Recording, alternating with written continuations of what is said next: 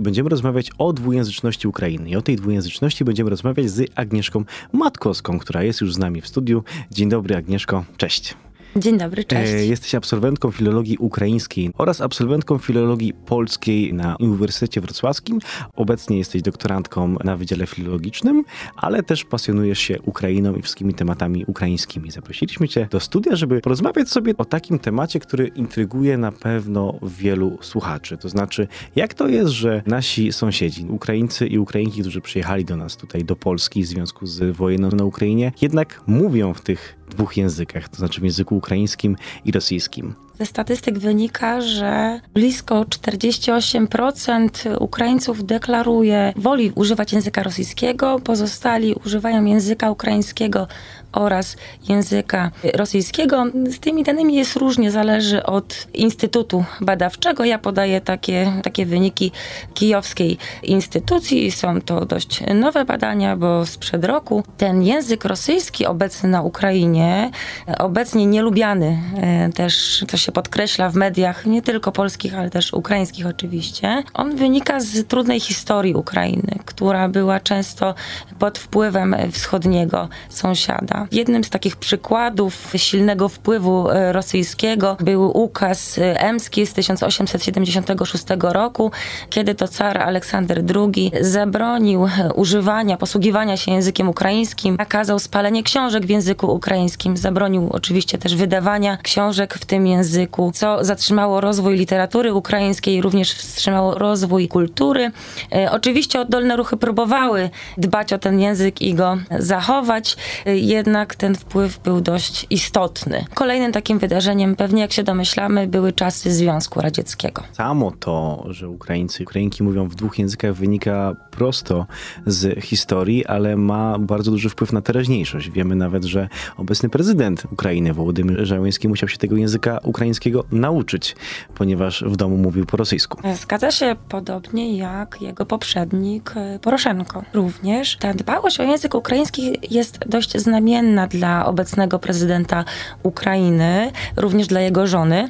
W 2019 roku prezydent potwierdził ustawę dotyczącą dbałości, ponieważ język podkreśla jakby niezależność, niezawisłość istnienia narodu ukraińskiego wcześniej nie było takich starań ze względu na obawy, jak zareagują ludzie, których językiem naturalnym był również język rosyjski.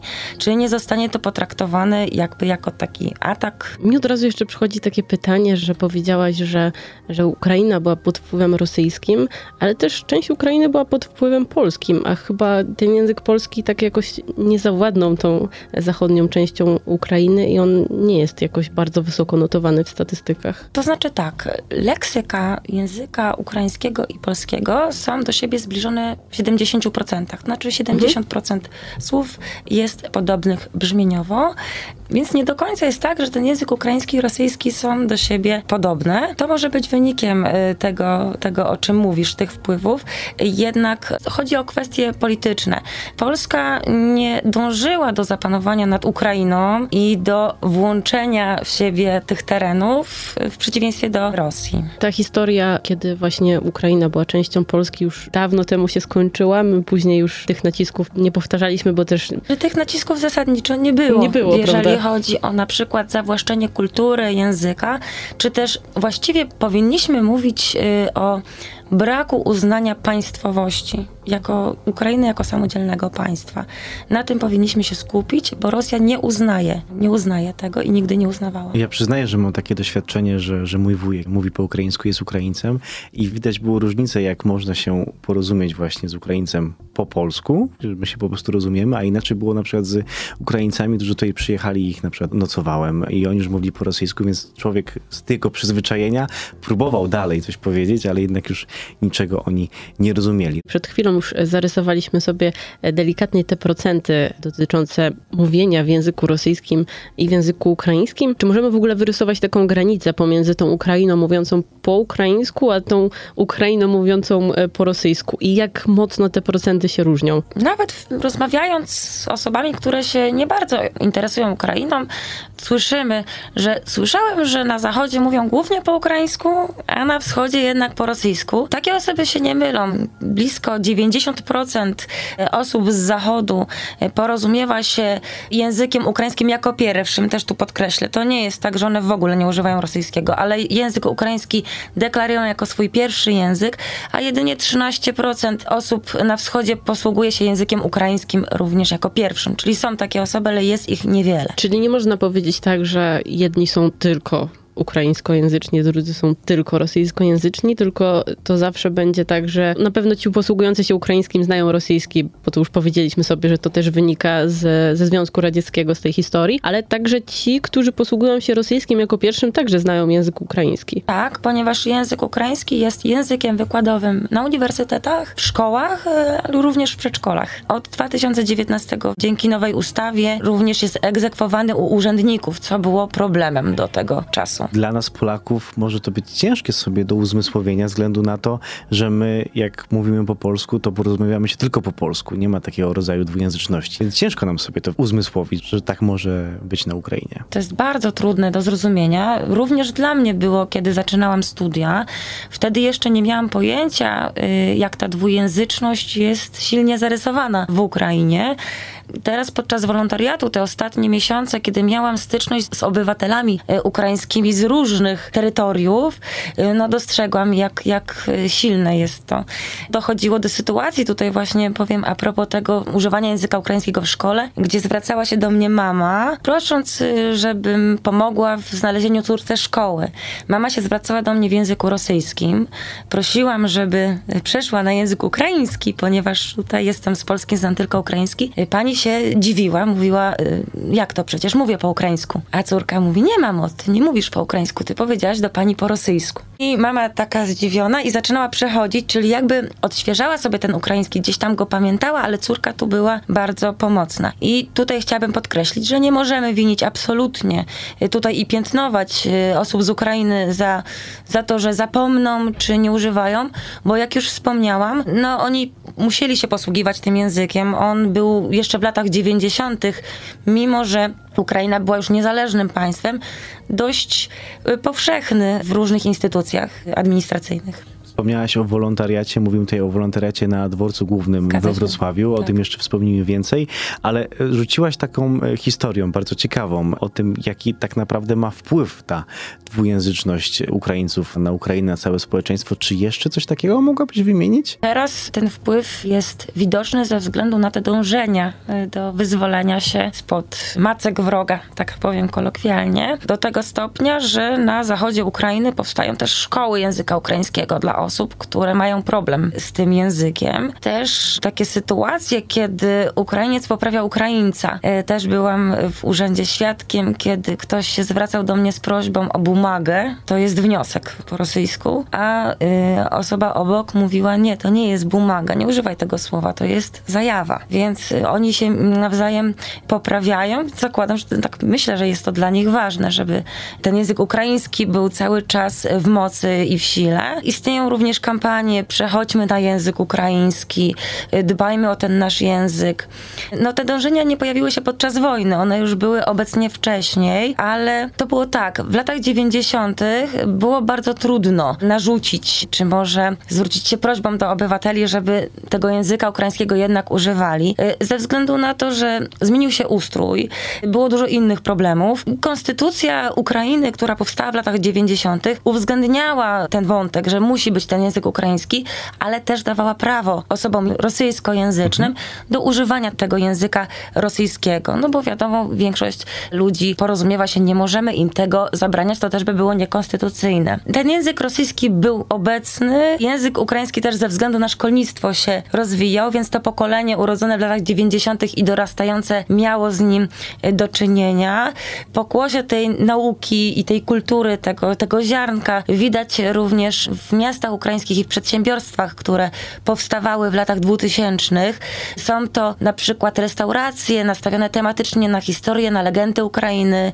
Menu są w języku ukraińskim, a nie tak jak wcześniej e, w rosyjskim. Jednak znowu, mimo tego, że Ukraina stała się niezależnym państwem, w 2012 roku władza, która była, znów podłożyła, mówiąc tak kolokwialnie, nogę tym dążeniom, bo zarządu Janukowycza powstała taka ustawa o zasadach państwowej polityki językowej, nazywana ustawą Kiwałowa-Kolesniczenki. Janukowycz ją przegłosował i ona ustanawiała, rozszerzała szerokie zastosowanie języka rosyjskiego w urzędach, szkolnictwie, reklamie i mediach, czyli jakby znowu zrobiono krok w tył. Dopiero wydarzenia na Majdanie y, i sprzeciw rządowi Janukowycza sprowokował znów do działań odświeżenia, tego, odświeżenia no do powrotu do tego najważniejszego języka w kraju. No jednak wiadomo, Majdan też trochę namieszał. Dopiero w 2018 roku zaczęto pracować nad taką właściwą ustawą, która by respektowała od urzędników znajomość tego języka ukraińskiego i stawiała nacisk na używanie go przede wszystkim w różnych sektorach. Nie powiedzieliśmy sobie w ogóle skąd wziął się język ukraiński i, i, i, dlaczego też jest taki problem z tym językiem ukraińskim i rosyjskim i ten cały zgrzyt między tymi dwoma językami. Myślę, że Ukraińcy mówią właśnie, że język ukraiński jest osobnym e, językiem, ale zdaje się, że Rosjanie mają na ten temat inne zdanie. Zgadza się. Rosjanie zasadniczo od zawsze mieli odmienne zdanie. Nasi rodzice w szkole średniej uczyli się, że Ukraina nigdy nie istniała jako samodzielne państwo. Znaczy, nasi rodzice, rodzice naszych sąsiadów, bo również w Czechosłowacji, która wówczas istniała, w szkołach wykładano, że Ukraina zawsze należała do Rosji, a hachłacki język, bo tak Rosjanie mówią o języku ukraińskim, to bandycki twór. I to y, przekonanie zakorzeniło się w myśli pokoleń narodzonych we wschodniej Europie w latach 50., 60., 70. i w dzisiejszej Rosji jest jak najbardziej aktualne. Oczywiście Rosjanie szukają też dowodów naukowych na potwierdzenie swoich przekonań i tutaj sięgają do wydarzeń historycznych, do czasów dawnych. Jedna z koncepcji, którą forsują naukowcy rosyjscy jest taka, że język ukraiński, ale również białoruski i rosyjski są to języki wywodzące się z jednego takiego trzona, z języka staroruskiego. Jest to koncepcja y, sprzyjająca myśli imperialnej, ponieważ jeżeli założymy, że te trzy języki były kiedyś jednym językiem, no Rosję uważamy za silniejszą i jedyną słuszną, tak zgodnie z propagandą, no to no nie będziemy uznawać tego języka ukraińskiego jako niezależnego. Jednak y, ukraińscy naukowcy, nie tylko ukraińscy, bo były to badania prowadzone również w Stanach Zjednoczonych, ustalili, że z prasłowiańszczyzny ukształtowały się trzy grupy językowe. Zachodniosłowiańska, czyli my, nasz język polski, południowosłowiańska oraz wschodniosłowiańska. I te języki wschodniosłowiańskie y, powstawały niezależnie od siebie. Czyli niezależnie powstał język ukraiński, niezależnie powstał język białoruski oraz niezależnie powstał język rosyjski. Skupię się oczywiście na tym języku ukraińskim, no bo tego dotyczy nasza rozmowa. Ja bym się odwołać do badań gramatyka Szewaliowa czy Hrychoria Toraka. Oni wskazali na przykład na takie wyjątkowe cechy, czyli takie niepowtarzalne w innych językach cechy, właściwe wyłącznie językowi ukraińskiemu. Będzie to oczywiście krtaniowa głoska he. Tu przepraszam wszystkich Ukraińców za niewłaściwą e, wymowę, ale tutaj jako Polska mam te swoje e, naleciałości językowe. Możemy tę głoskę usłyszeć też w takich e, słowach ukraińskich, jak na przykład haj czy bachno. To są też słowa pojawiające się wyłącznie w języku ukraiński. Ja podałam dwa, ich jest, ich jest znacznie, znacznie więcej. Głoska y, powstała wskutek zespojenia dawnych i oraz i. Tutaj też bym musiała wskazać takie odmienności fonetyczne, których nie powtórzę. No nie jestem w stanie odtworzyć tych dawnych My jako osoby głosek. mówiące językiem polskim nawet nie jesteśmy od razu w stanie usłyszeć dźwięku tych głosek, jak one brzmią. A co dopiero to wymówić? A co dopiero tak, wymówić, tak, tak. chociaż jak się ktoś wsłucha, jak ktoś jest zaznajomiony z językiem ukraińskim, to to he jest bardzo wyraźne w tym, co mówisz, możemy obserwować piękno tego, jak język się tworzy, jak, jaka stoi za nim historia, jak, jak to potem wygląda, ale ja bym cię zapytał teraz, skąd to twoje zainteresowanie językiem ukraińskim? Dla mnie język ukraiński jest piękny, jest bardzo melodyjny. Powiem szczerze, że tak y, znajomi mnie namówili, żebym się zainteresowała. Zaintrygowała mnie cyrylica. Mamy tutaj sąsiada bardzo blisko, który mimo wszystko używa innych znaków. Jaka jest ta relacja między polskim a ukraińskim? Czy to jest tak, że te nasze dwa języki mają między sobą jakieś zapożyczenie? Czy to może my więcej od nich, oni od nas więcej? Wspomniałaś już, że to podobieństwo między Tak. polskim a ukraińskim jest wyższe. Rozumiem, że też jest wyższe niż między ukraińskim niż rosyjskim. No zgodnie ze statystykami tak. No I na właśnie. moje ucho również. Ja nie rozumiem, y, teraz rozumiem po wolontariacie bardziej rosyjski. Jakie jest twoje doświadczenie z tymi trzema językami w tym momencie, polskim, ukraińskim rosyjskim, tymi relacjami między nimi i na ucho i, i na oko? Mhm. No w związku z tym, że uczyłam się cyrylicy ukraińskiej, to jest zupełnie, znaczy zupełnie, jest to inna cyrylica, na pewno brzmieniowo jest, fonetycznie jest inna. Jeżeli chodzi o grafikę, no różnią się niektóre litery. Jeżeli chodzi o samą mowę, no dla mnie na pewno bliższa uchu jest, chciałam już powiedzieć, bliższa uchu jest mowa ukraińska, bo mówimy ukraińska mowa, więc język ukraiński jest bardziej dla mnie zrozumiały w języku polskim niż język rosyjski. I to zarówno pod względem wymowy, jak i pod względem leksyki. Wspominaliśmy o tym, że język ukraiński jest dla ciebie bardzo ciekawy, również ze względu na to, że miałaś szansę z nim obcować bardzo dużo podczas wolontariatu na dworcu PKP. Wszyscy wiemy, na czym polega ten wolontariat, ale opowiedz nam trochę więcej o swoich doświadczeniach. Zadania były różne. Miałam do czynienia z, ze sporą grupą osób.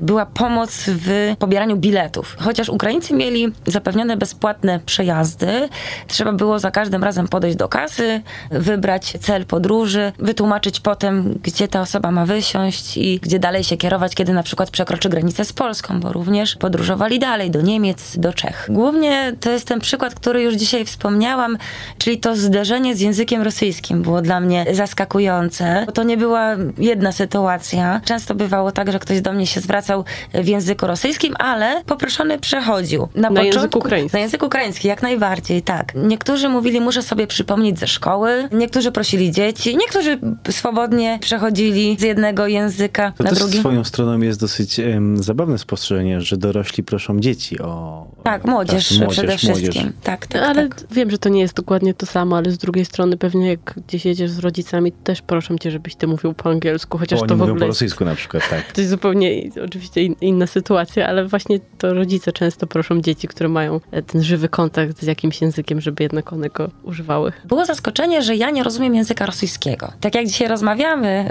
y, większość Ukrainy, właściwie chyba każdy Ukrainiec, nie wiem, nie chcę ryzykować, ale po- powiedzmy, że każdy zna oba te języki. I ktoś widząc tłumacza w żółtej kamizelce przyjmował, że jest to osoba pochodząca z Ukrainy. Nie wiem dlaczego nie pomyśleli, że Polak może się uczyć języka ukraińskiego. I było takie niezrozumienie. Zdarzyły mi się dwie albo trzy sytuacje, że ktoś się obraził, bo myślał, że robię sobie żarty. Że nie ale, mówisz po że, rosyjsku? Że nie mówię po rosyjsku, ale wchodziłam tutaj z takim zdaniem, przepraszam, jestem Polką, ojej!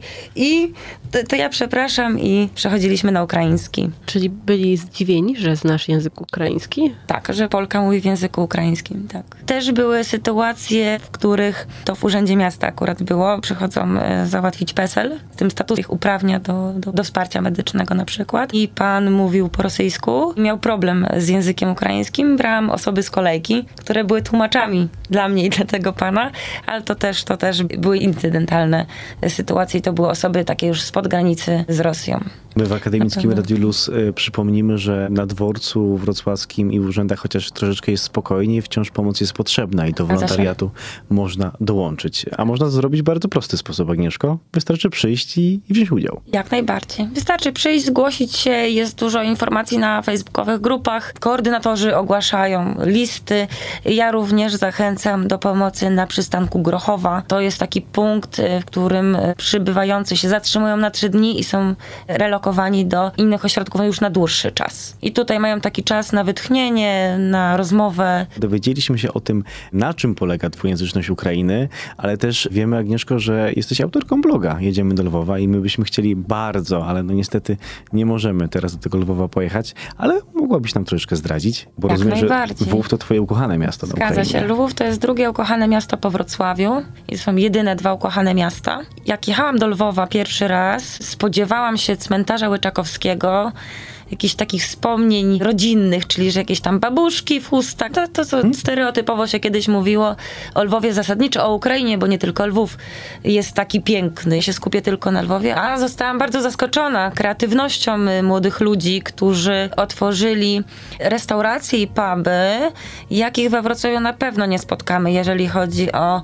wykorzystanie właśnie tego potencjału lwowskich legend, historii lwowskich, nie tylko lwowskich, również ukraińskich. Tutaj na wstępie muszę podkreślić, że Lwów to jest takie miasto, które zawsze łączyło wiele kultur. Wśród nich między innymi była to kultura ormiańska, y, kultura żydowska, kultura polska jak najbardziej, oczywiście kultura ukraińska i miejscowi wykorzystali y, historię, legendy i to sąsiedztwo tych kultur w obrębie jednego miasta, żeby stworzyć miejsca, w których tą kulturę będzie można też przedstawić w dość przystępny sposób, ale również przeszczepić jakby te kulinaria typowe dla tych obszarów. E, Tutaj podam przykład jednej z ciekawszych restauracji lwowskich. To jest restauracja, która nazywa się przewrotnie Loża Masońska. Do Loży Masońskiej to jest oczywiście dowcipnie, bo też musicie Państwo wiedzieć, że Ukraińcy są bardzo dowcipni.